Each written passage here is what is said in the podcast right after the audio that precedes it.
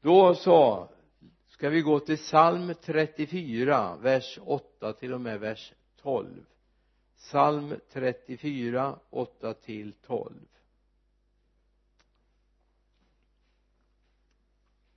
ska ge er lite chans att slå upp bibelordet?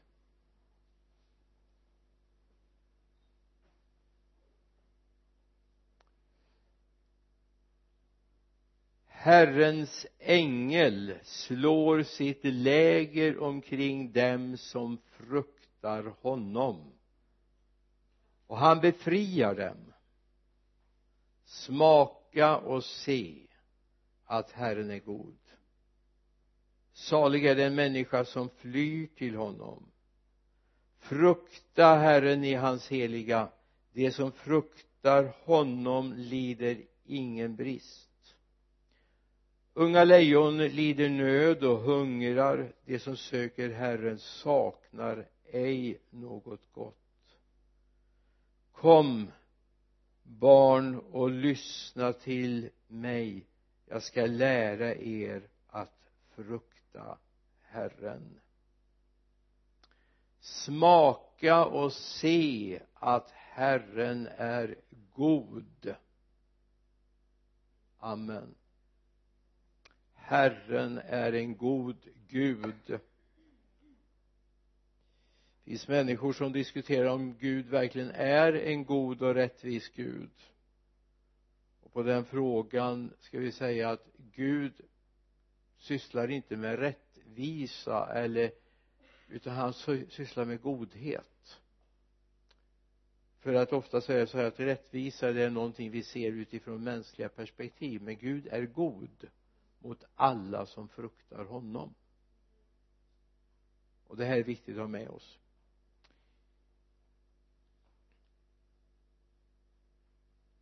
Gud vill ge goda gåvor. Men om vi inte känner honom så vet vi inte det. Och jag hävdar att den största delen av världens befolkning känner inte Gud och det betyder ju inte att de inte har hört talas om Gud. Att de inte har en viss religiös åsikt. Men den absolut största delen har aldrig lärt känna Gud personligen. Har ingen personlig relation eller erfarenhet av Gud. Det här är så oerhört viktigt att vi lär oss att lära känna Gud att se vem han egentligen är. När våra vänner kompisar, arbetskamrater, grannar ser att vi som Guds barn de som egentligen skulle vara förutbestämda att stå nära Gud och som egentligen i språkbruk och attityd verkar stå nära Gud Eh, våra ofrälsta vänner ser att vi kompletterar därför vi är inte fullt nöjda med Gud. Vi ska ha andra stimulans också. Då är det ett budskap om att Gud har vi inte lärt känna. Vi lever inte med honom det är därför psalmisten säger smaka och se att Herren är god. Det handlar inte om rättvisa det handlar om godhet. Allenast och nåd ska följa mig i alla mina livsdagar står det. Ty Gud är en god Gud. Men är det så att vi måste fylla våra liv med bio videofilmer tv-program icke-kristen musik och så vidare då är det ett budskap om att vi är inte nöjda med Gud. Han har inte allt det vi behöver. Och det har han. Gud har allt vi behöver. Gud behöver inte kompletteras. Mycket annat måste vi komplettera men Gud behöver vi aldrig komplettera. Han är fullkomlig. Det är inget annat i världen som det står om att det är fullkomligt men om vår Gud står det. Han är fullkomlig i allt han är så fullkomlig till och med så att en dag ska han till och med vara solen som lyser om dagen. Och månen som lyser om natten. Så fullkomlig är han. I det himmelska Jerusalem när vi är hemma hos far så behövs det inga murar. Det behövs inga portar som slås igen när kvällen kommer därför Gud vakar över sitt folk. Alltså Gud är fullkomlig. Och Gud behöver aldrig kompletteras. Kom ihåg det. Behöver du fylla ditt liv och din, få stimulans av andra saker. Då har du en bit kvar att lära känna Gud.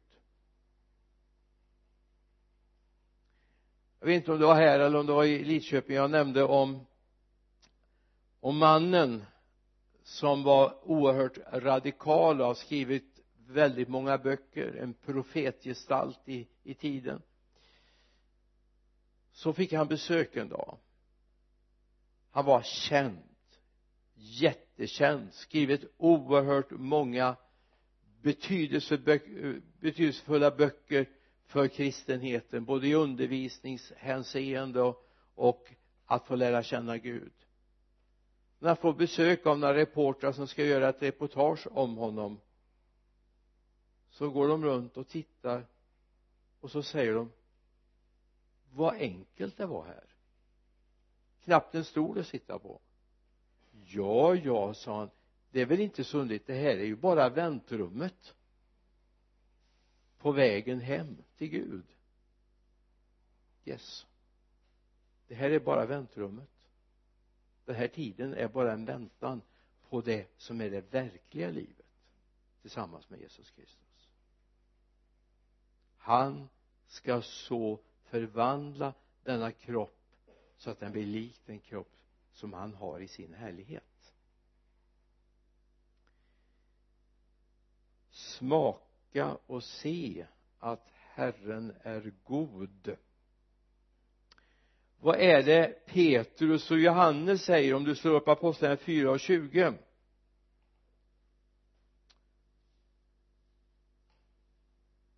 när de blir ifrågasatta att de botar sjuka till och med på sabbaten. Och de vill sätta dem i fängelse. I vers 19 så står det ja döm själva vilket som är rätt eller fel. Att lyda människor eller lyda Gud. Vers 20 men vi för vår del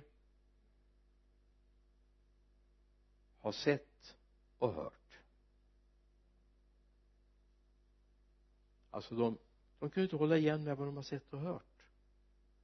Jag tror det är många kristna som inte har sett och hört. För annars skulle vi inte vara så tysta. Om vi har sett en god Gud och smakat vad en god Gud är.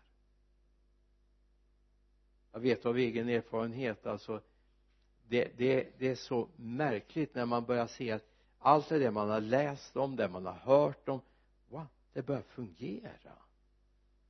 Sjuka blir faktiskt friska.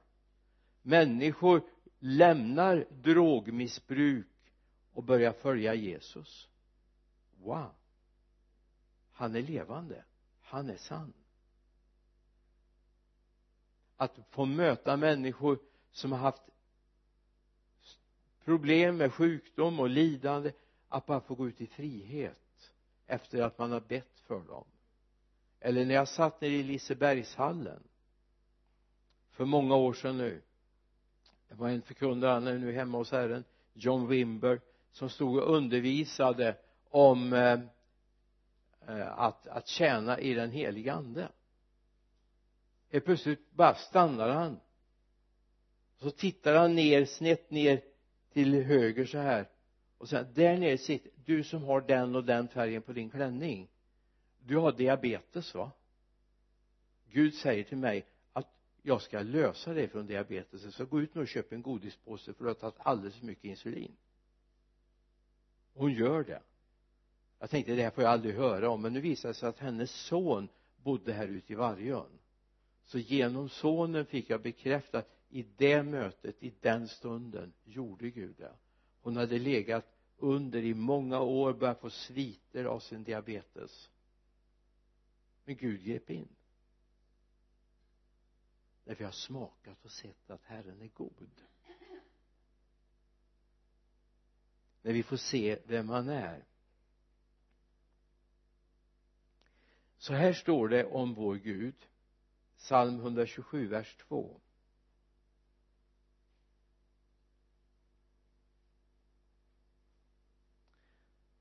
det här kan ju appliceras på många områden. Just nu är det på jordbruksområdet men det skulle ju kunna vara på många andra områden. Och så här, förgäves stiger ni tidigt upp och går sent till vila för att äta det bröd ni sliter för det ger han åt sina vänner medan de sover.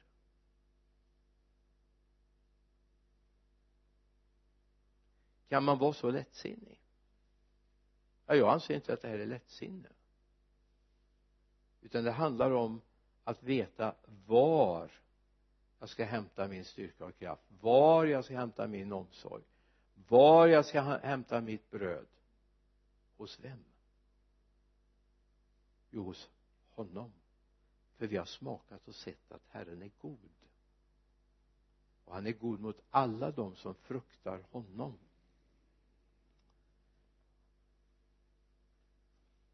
Det som inte smakat och inte sett vet inte. De vet inte. Men hur ska människor veta att den där läckra maträtten eller den där fantastiska utsikten är så fantastisk eller så god om man aldrig har smakat den. Jag menar jag skulle kunna tala mig varm om att stå en vårdag uppe på Kinnekulle och titta ut över Vänern och ni skulle nicka ja. Jag är inte så säker på att så många har stått där en tidig morgon en vårdag och tittat ut över Vänern med berget och så är sluttningen ner. Det är något fantastiskt.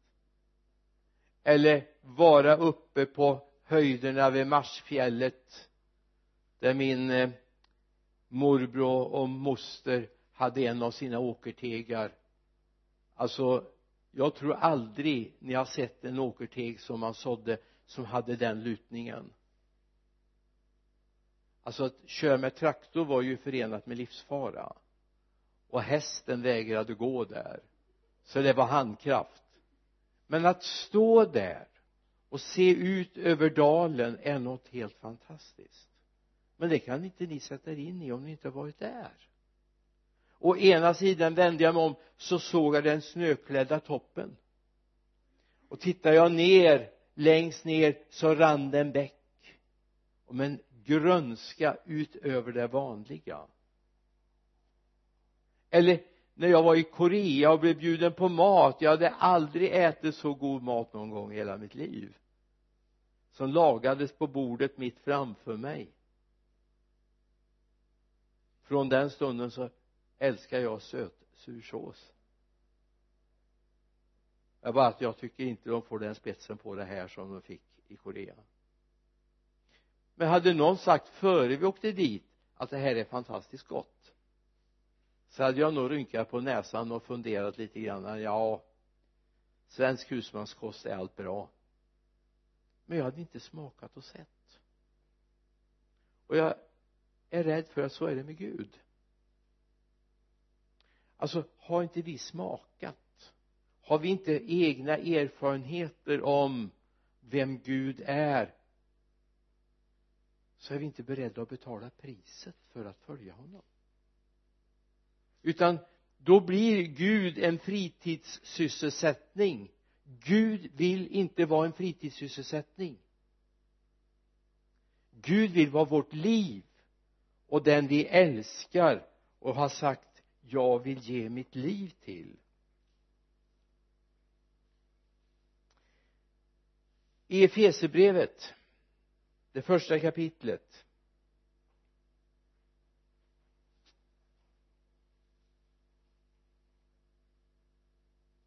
sjutton till nitton. Efesierbrevet 1, 17 till 19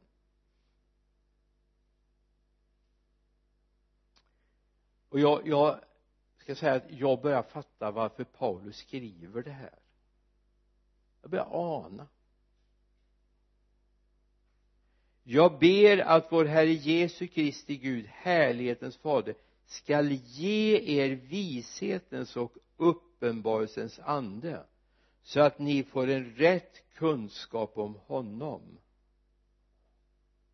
Hörde du? Jag ber att vår Herre Jesu Kristi Gud härlighetens fader ska ge er vishetens och uppenbarelsens ande så att ni får en rätt kunskap om honom. Vi stannar där först alltså vad är det han ber? Jo Gud öppna deras ögon. Öppna deras sinnen så att de kan ta in vem jag egentligen är. Alltså Gud är någonting mer än någon vi läser om i en bok? Gud är någonting mer. Gud är en person som vill möta mig. Men det här behöver vi verkligen få vishetens och upp uppenbarelsens ande så att vi får en rätt kunskap om honom. Jag ber att era hjärtan ska upplysas så att ni förstår vilket hopp han har kallat er till och hur rik på härlighet hans arv är bland de heliga. Jag ber att era hjärtan ska upplysas så att ni förstår vilket hopp han har kallat er till. Och hur rik på härlighet hans arv är bland de heliga. Alltså jag tror inte utan denna uppenbarelse i våra hjärtan så kommer vi inte förstå vart vi är på väg och vad Gud egentligen har gjort i ordning för oss. Jag tror inte det. Men med den uppenbarelsens ande så kommer vi ana vart vi är på väg och vad Gud har förberett för oss.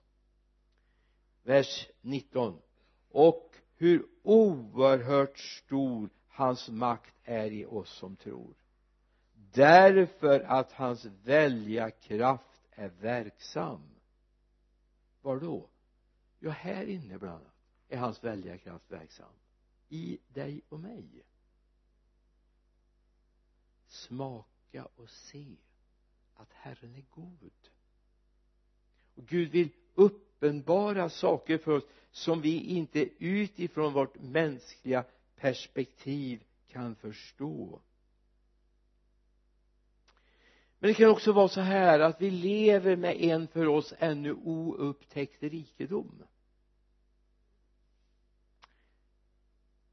Det var en man berättas om i början på förra seklet bort i mellanvästern i USA som en dag fick besök på sin gård eller ranch man kanske skulle säga.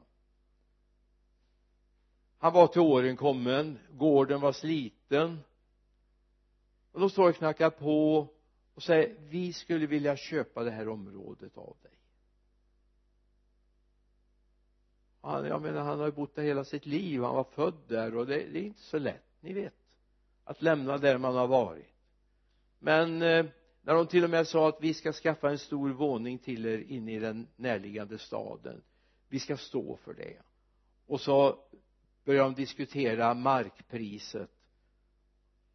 Och han hade aldrig hört om så höga siffror förr. Är det sant så ja vi ska sätta in det på banken du ska få gå dit och kolla innan du behöver lämna gården. De satte in ett avsevärt kapital. Han flyttade så gick det några veckor till och med någon månad och så tänkte jag jag måste åka ut och se vad de har gjort av den här gården om det har flyttat dit folk eller om de har reparerat byggnaderna. Vad finner han? Oljepumpar och oljeborrtorn. Då visade det sig att han hade alltså hela sitt liv bott på en av de största oljefyndigheterna i USA han var jätterik. Nu hade de visserligen fått muta in det för man äger inte så många anar ner i marken under sitt hus inte ens i Sverige. Utan ska man borra ska man ha tillstånd och så vidare för det och det hade de skaffat naturligtvis till och med innan. Men de hade gjort prospektering de hade sett att här fanns det olja. Och de blev ju jätterika. Och så tänkte jag så är det så här ta med bilden nu att du egentligen lever och rör dig i en verklighet som är långt mycket rikare än vad som har gått upp för dig än va? Kan det vara så att till och med i de här händerna titta på dina händer. Kan det vara så att i de här händerna kan Gud förmedla kraft till helande? Är det så att du genom din muns vittnesbörd skulle kunna föra människor till tro på Jesus?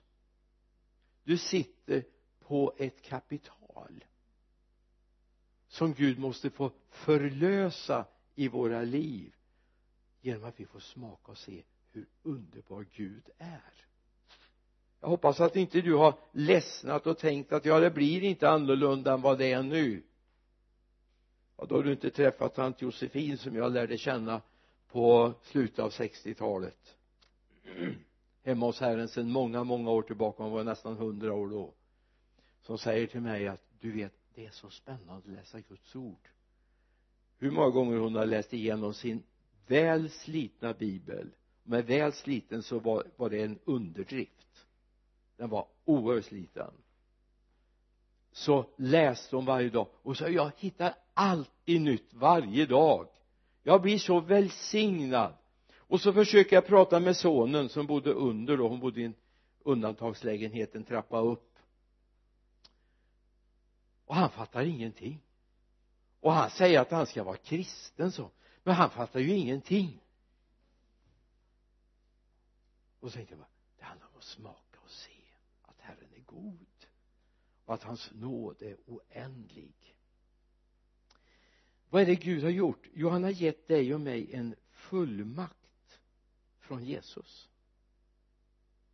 En fullmakt från Jesus. Och jag ska säga dig att jag tar hellre en fullmakt från Jesus än om jag skulle få en fullmakt så jag finge disponera alla Bill Gates miljarder. Men det skulle inte vara så dumt med en liten del av hans miljarder. Och jag vet och det ska vi säga också att Bill Gates sysslar med mycket välgörenhet. Och han hör inte till dem bara som ska affischera om att vad duktig jag är. Utan han gör verkliga insatser ändå tar jag hellre en fullmakt från Jesus. Vet du varför? Ja, du vet jag får betala hur många miljarder som helst till sjukvården. De kan inte uppväcka döda. Och obotliga sjukdomar är de inte jättebra på. Men jag vet en som är det. Därför tar jag hellre en fullmakt från Jesus han kan till och med uppväcka döda. Han kan till och med bota obotliga sjukdomar. Eller som han gjorde med kvinnan i Korea när jag var där som hade en bortopererad knäskål. Mitt under gudstjänsten skapade Gud en ny knäskål. Och hon var dansant sen efter det mitt i bönenatten dansade hon runt där med den ena efter den andra bland en av mina kollegor. Svängde runt. Hon hade fått en ny knäskål. Hon hade alltså blivit opererad så hon var strakbent. Men så kom Gud och gjorde ett under. Alltså jag vill hellre ha en fullmakt från honom. Därför jag har smakat och jag har sett att Herren är god. Därmed kan jag inte säga att jag förstår allt och begriper allt men jag vet ändå att Jesus är kärleksfull. I Johann, första Johannesbrevets femte kapitel vers 12 står det ändå om det viktigaste av allt i den rikedomen som vi får. Den som har sonen har livet. Den som inte har Guds son har inte livet.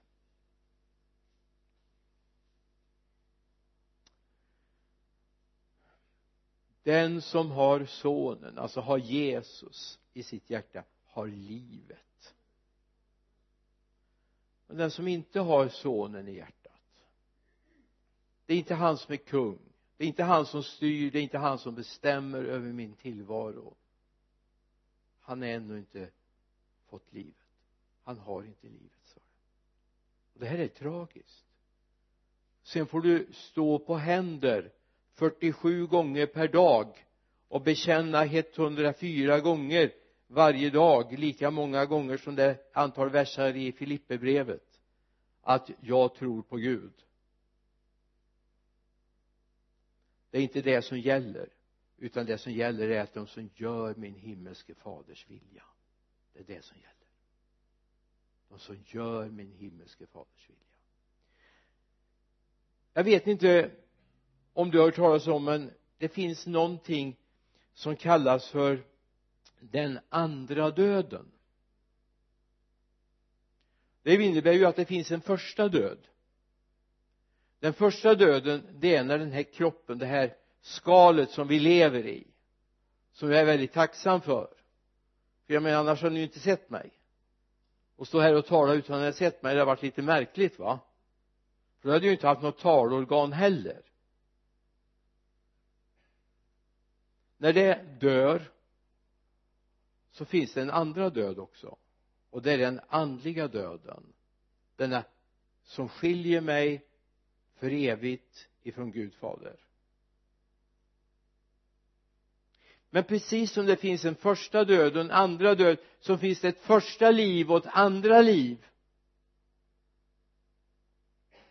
Och det här hade Nikodemus som var besökte Jesus en natt du har det Johannes 3 Johannes evangeliets tredje kapitel. Han hade jätteproblem med det här. Jag menar alla vi som sitter här nu och alla andra levande varelser och tidigare levande varelser och kommande levande varelser de har fått det första livet. Eller hur? De har blivit födda. Om de nu heter Arne eller vad de nu heter så har de blivit födda i alla fall. Men sen talar Jesus om en andra födelse. En andra födelse. Som är en förutsättning för att se Guds värld. För att börja ana och börja gå på upptäcktsfärd i Guds värld. Det ska vi tala om ikväll bland annat. Wow. Alltså Gud har gett oss genom sin på nytt födelse. Så han gett oss en möjlighet säger Guds ord att se Guds rike som en verklighet. Där regerar Jesus Kristus som kung för insatt därtill av fadern. Där regerar han.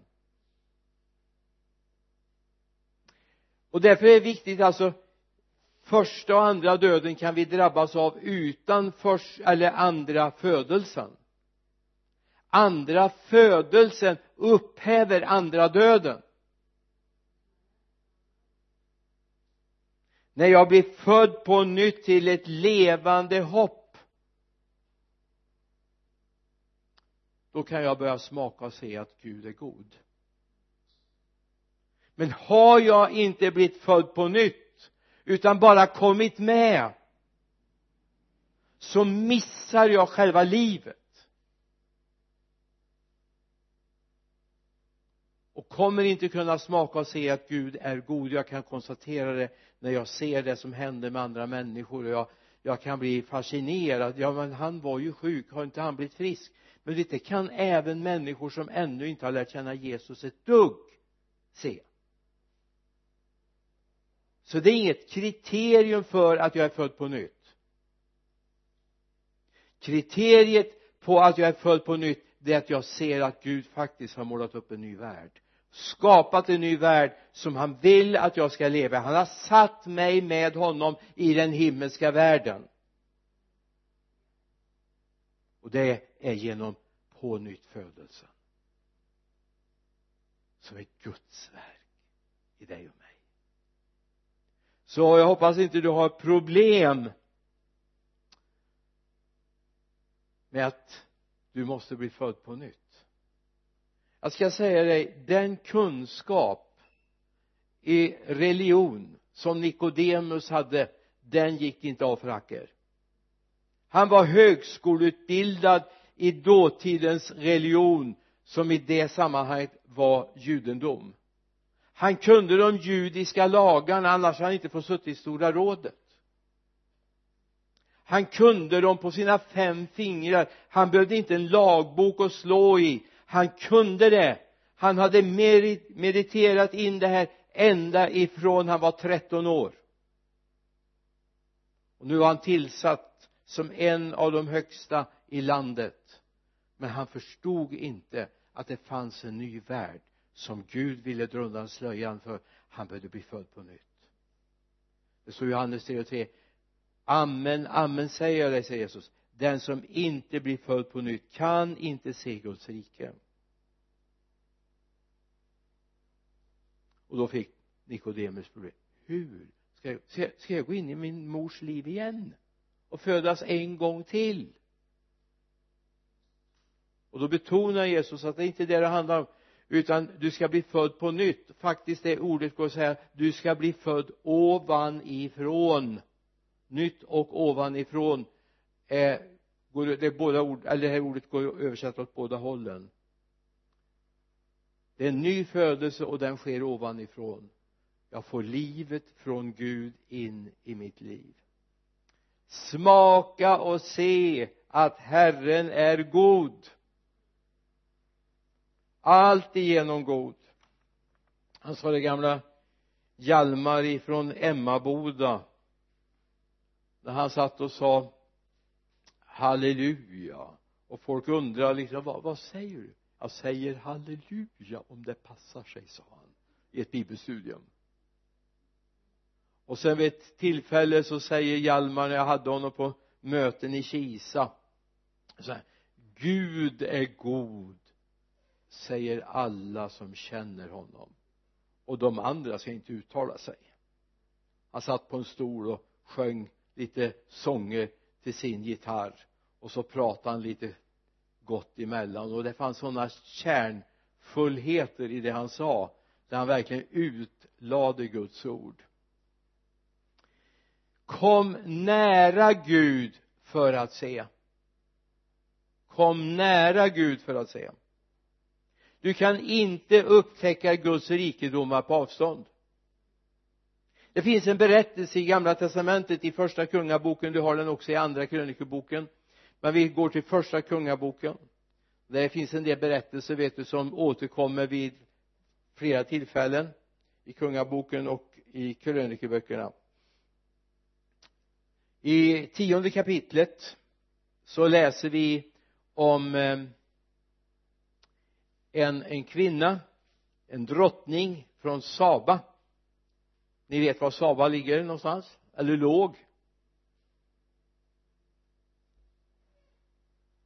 Arabiska halvön längst ner. Idag har bär den namnet Jemen. Där nerifrån kom hon. Och hon kom och hälsade på kung Salomo. Han som hade efterträtt sin far David. Du vet han hade ju verkligen bett om att få ett vis hjärta. Får jag läsa lite längre i sammanhang? Hoppas vi klarar av det. Vi börjar i vers 1 när drottningen av Saba fick höra rykten om Salomo och om Herrens namn kom hon för att sätta honom på prov med svåra frågor.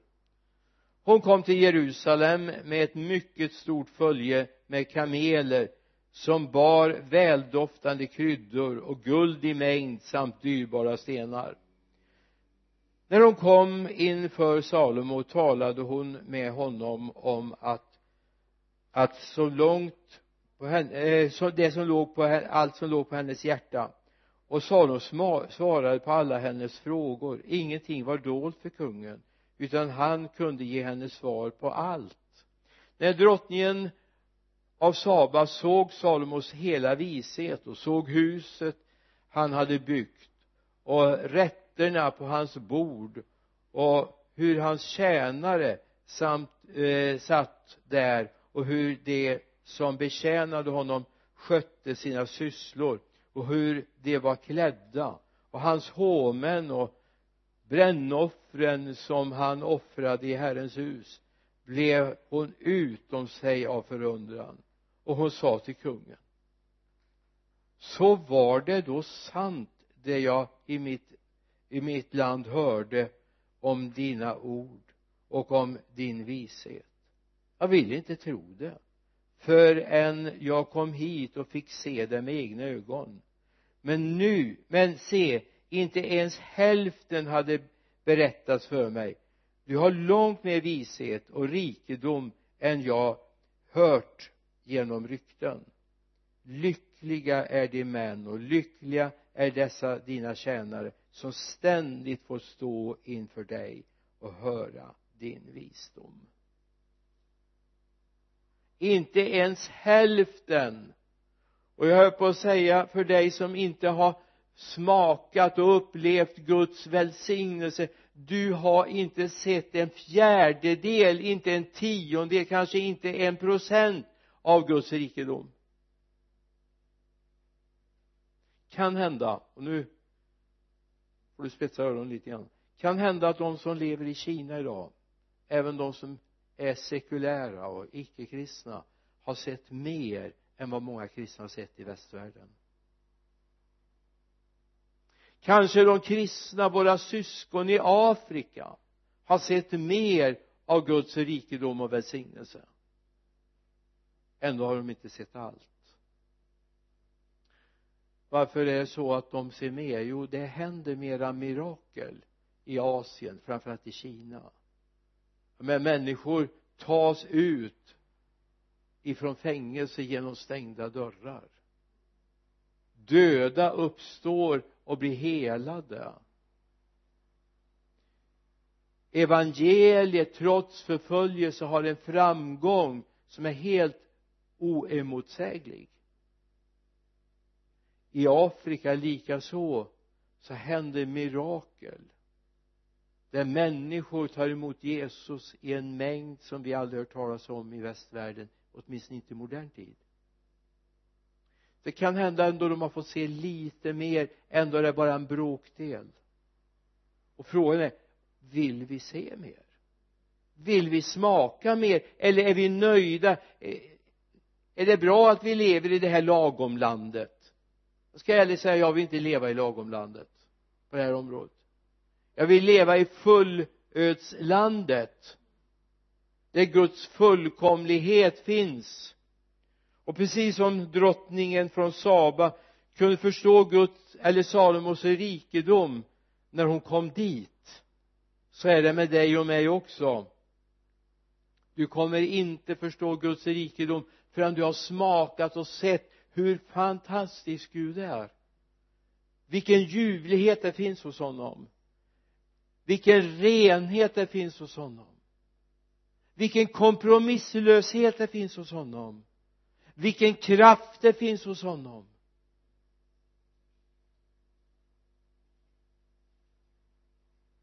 Då kan vi inte sitta i lagomlandet längre. Då kan vi inte intala oss att vi känner Gud. För det är det vi sysslar med vi intalar oss att vi känner Gud. Men frågan är om Gud känner oss. Har vi verkligen överlåtit vårt liv till honom? Det är så sant det Jakob skriver i det fjärde kapitlets sjunde vers och åttonde vers. Jakob 4, 7, 8 underordna er därför Gud. Stå emot djävulen så ska han fly bort ifrån er. Närma er Gud så ska han närma sig er. Gör era händer rena ni syndare och rena era hjärtan i tvehågsna det finns för mycket kristendom som är å ena sidan och andra sidan och någonstans mitt emellan och alltså Gud vill att vi ska ha ett rent hjärta så vi kan fyllas av Guds närvaro och Guds kraft. Gud vill det. Gud längtar efter det.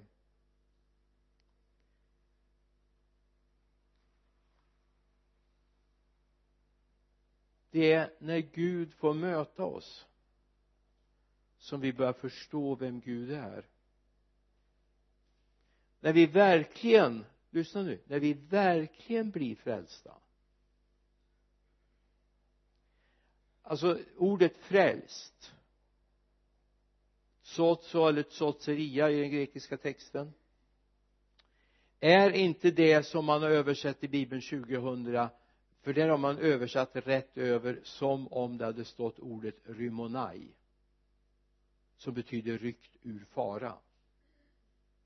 Vilket innebär att det har stått rädda på de flesta sätt. Egentligen skulle ordet frälst vara fantastiskt bra om det kunde översatts med helad. På alla ledder helad. Min Guds relation är helad. Min kropp blir helad. Mina relationer med människor blir helade. För det är precis det det handlar om. Att bli frälst är att bli helad i mitt förståelse av Gud och då är det viktigt vad jag gör av mötet med Gud.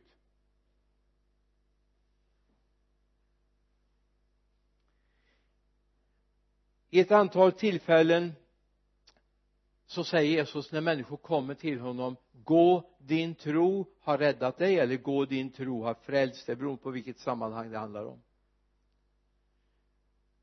Det är tror jag fem sammanhang det står i och det står bland annat om kvinnan som hade varit sjuk i tolv år. Du har det i Markus 5 Markus 5 du får gärna slå upp det. Eh, sista delen av Markus 5 från vers 27-28 någonstans. Du hittar det. Så står det om en kvinna som hade lidit av blödningar i tolv år och hon hade verkligen plågats under många läkarbesök och gett ut allt vad hon ägde står det. Du har parallelltext i, i, i Lukas evangeliet också. När Gud hade, eller Jesus hade fått hela henne och hon hade kommit fram och bekänt att det var jag som rörde vid dig då säger han till, vers 34 då säger han till henne min dotter din tro har frälst dig. Gå i frid och var frisk och fri från denna plåga. Vi har också de här tio männen spetälska männen. Eh, du har det i Lukas 17 tio stycken som kommer och ropar oren, oren till Jesus precis som han skulle göra. Och så eh, kommer han och eh, eller får de uppleva helan och Jesus säger till dem att eh, nu får ni gå och visa er för prästerna för de var de enda som fick godkänna om de var friska eller ej och fick vara bland folk. På vägen ser de hur den här leprasjukan försvinner ifrån dem. Då är det en som vänder tillbaka. Vers 15 Lukas 17 och när en av dem såg att han hade blivit botad vände han tillbaka och prisade Gud med hög röst och föll ner för Jesu fötter och tackade honom. Och han var samarit. Jesus frågade honom blev inte alla tio rena? Var är de nio? Har verkligen inget ingen vänt tillbaka för att prisa Gud utom denne främling? Och han sa till honom stig upp och gå. Din tro har frälst dig. Din tro har helat dig vi skulle också kunna läsa om den dåliga kvinnan synderskan. Den prostituerade som kommer och smörjer Jesu fötter i Simons hus. Du vet om berättelsen? Eller gör, jo det gör du säkert. Du har det i Lukas 7 och 50 och verserna innan och man ondgör sig över jag menar vet han, om han nu är profet så vet han väl vem hon är. Han borde dra undan fötterna när hon kommer med sin alabasterflaska och bryter den över hans fötter. Jag menar vad är det här för någon Jesus va? Är det Messias verkligen? Ja det är Messias. För det är kärleken förlåtelsen, reningen. Och så avslutas hela det här samtalet med vers 50 men Jesus sa till kvinnan din tro har frälst dig. Gå i frid.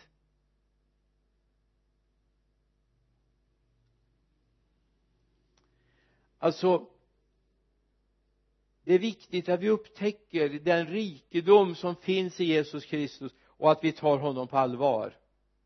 Lek inte kristendom det är bättre att du lever i världen. För Gud är helig. Gud är helig. Och du kommer drabbas av samma straff. Vänd inte Gud ryggen för det är farligt. Och det här är viktigt att vi säger alltså det här är handlar om för eller emot Jesus.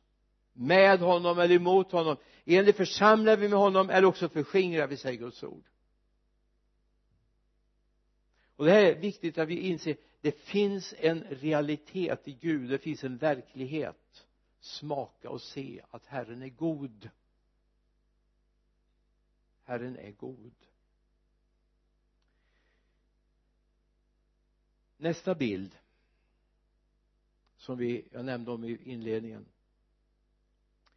Det kan ju vara faktiskt så att du lever mitt i den här välsignelsen men du har inte sett den du har inte förstått det. Precis som jag berättade om den här mannen som sålde sin, sin gård och visste inte att under honom fanns USAs största oljekälla.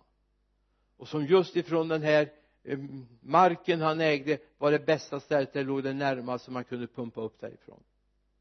Sen kan man ju ha synpunkter på olja i och för sig. Alla de här varorna det finns bättre sätt att försörja vår jord men jag hoppas du förstår bilden det är inte så att jag går och drömmer och har en oljekälla under huset då är det Vänersborgs bostäder som inte är mitt i så fall. Och jag kanske är lika glad att det inte är så för det smutsar ner. Men förstå bilden. I Matteus 6 så hör jag på att säga här finns ett, bibel, ett av de mest kända bibelorden vi har vers 33 men ett av de mest vad ska jag säga misshanterade bibelorden. Och det här är viktigt att vi håller fast vid vad, vad står det vad handlar det om egentligen? Vers 33 säger nej sök först Guds rike och hans rättfärdighet så skall ni få allt det andra också. Sök först Guds rike och hans rättfärdighet så ska ni få allt detta andra. I verserna innan står det faktiskt om de här vanliga bekymren om mat och kläder och boende. Och han tar bilder om fåglarna som flyger under himlens fäste. De sår inte. De skördar inte, de spinner inte. Ändå tar Gud hand om dem. Eller liljan som till och med var bättre klädd än Salomo. Undrar vad Saba, eller drottningen av Saba har sett om hon får sett de här liljorna. Som idag står och imorgon kastas i ugnen. Om nu Gud tar sån omsorg om oss skulle han inte ta omsorg om oss? Ni klentrogna nej sök först Guds rike och hans rättfärdighet så ska ni få allt det andra också. Och det här kan vi tycka ja men är inte det här lite väl magstarkt? Det är inte ett dugg magstarkt. Det här är ju som det är. Det här är som det är. Så jag ge dig en väldigt enkel bild? Du kommer ut och ska ta bilen och du har ett viktigt ärende du måste klara av. Och så upptäcker du det är tom tank. Tänk dig nu att det är den här gamla typen av bil så att det till och med blinkar en varningsblinkers nu har du bara några liter kvar i bilen. Nu har man ju eh, färddatorer och grejer i bilarna som talar om exakt hur många kilometer man kan köra om man har den snittförbrukning som man hade senast och så vidare. Jag säger att det är fel. Och så vet du att du måste faktiskt åka tio mil. Men så tänker du ja men jag det här är så viktigt så det här måste gå före att tanka. Jo jo. Det går några kilometer kanske några mil och så står du där och så får du skjuta på bilen. Lyssna. Många många många av våra syskon har kört torrt i tanken andligt sett och kör i egen kraft idag. Och det blir jobbigt. Det blir lagiskt. Det blir hårt. Och det blir gnälligt framför allt. Gud du, du såg ju inte till mig när det gick åt skogen här för mig nu. Var var du då? Då kommer han påminna dig om Matteus 6 och 33 nej sök Guds rike och hans rättfärdighet först så ska allt det här andra tillfalla dig. Yes. Gud kommer påminna dig. Alltså det här är inte märkvärdigt att först ta tid med Gud att sätta församlingsgemenskapen först så kommer det andra lösa sig också. Men i vår mänskliga värld så är det så här, ja men jag måste ju klara det och jag måste hinna med det och jag får se nu men jag ska försöka hinna det också. Det här är den mänskliga kronometerns bedömning. Men Gud har en annan kronometer för ditt liv han vet vad du behöver för ditt liv för att du ska klara morgondagen, möta utmaningarna, möta människor, vara den tjänare som Gud vill att du ska vara. Han vill faktiskt att ditt liv ska randa eller kantas av människor som blir helade, upprättade, frälsta. Det, det är vad Gud vill med ditt liv. Han har inte satt dig i en livbåt för att du möjligtvis i bästa fall ska komma över och klara livhanken frälsning är ingen livbåt. Det är inte ens en liv sån här liv eh, frälsarkrans. Så det är något mycket mer radikalt alltså. Det är en ytbergare från himmelen som kommer och lyfter upp dig ur fördärvets grop va? Du har hört sådana här ytbergare man skickar ner till eh, fartyg och där det är förlis och kommer man med sin helikopter och så hoppar ytbergarna ner och spänner fast bältena så man kan vinschas upp alltså frälsning är en andens ytbergare som räddar dig när du håller på att dras ner i djupet. Och sen gör han dig till en ny skapelse i Kristus Jesus och det gamla är förbi. Något nytt har kommit säger andra Korinthierbrev 5 och 17 så bryt detta tänkande att jag måste klara av och jag måste klara av.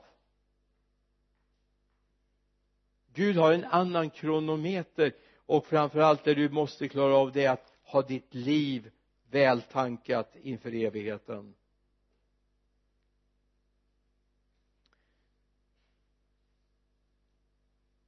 Varför är det här så viktigt? Ja det är viktigt för din skull.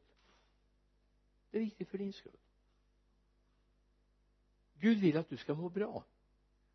Gud vill att du ska tycka det är underbart att vara frälst du ska hoppa ur sängen och göra fem frivolter och säga halleluja. Ja, du kan hoppa över frivolterna. Men du får gärna säga fem halleluja istället. Därför du är frälst. Ja men jag känner det inte så. Ja, men Gud bryr sig egentligen inte om vad du känner. Gud vet vad han har gjort med ditt liv. Och det kan hända ibland att du hoppar upp ur sängen och känner dig inte ett minsta frälst. Därför Gud bryr sig inte om våra känslor. Han vet faktiskt vad han gjort med ditt liv.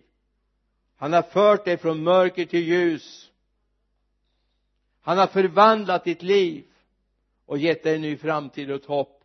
Det är det första. Men så finns det en annan viktig anledning till.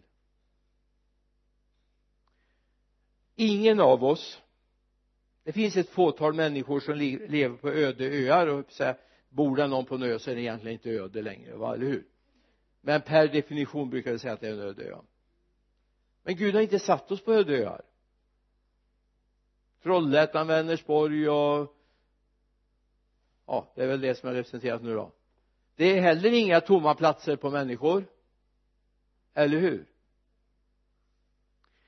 Den dagen du tar emot Herren Jesus Kristus och han får förvandla ditt liv och du har smakat och sett då kommer din omgivning att bli påverkad.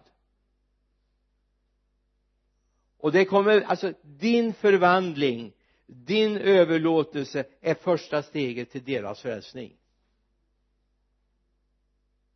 Alltså vi behöver inte några resonemangsfrälsningar alla hjärnan. Vi behöver frälsningar alla hjärtat. Förvandlade hjärtan det är ju det profeten säger i Hesekiel att vi ska få ett nytt hjärta. Han ska ta ut stenhjärtat och ge oss ett hjärta av kött. Vi ska få ett nytt hjärta. Så det här med hjärttransplantation det höll Gud på med långt innan man hade kommit på det nere i Sydafrika att man kunde göra sådana saker. Så att du är förvandlad för dina medvandrares skull du vill leva ett helöverlåtet liv för dina vänners skull. Och ju mer överlåten du blir lyssna nu ska vi säga ju mer överlåten till Jesus du blir ju färre ord som behövs. Ja. Det räcker att de ser. Vad har hänt? Men så var han ju inte igår och i förrgår och förra året. Det har hänt något.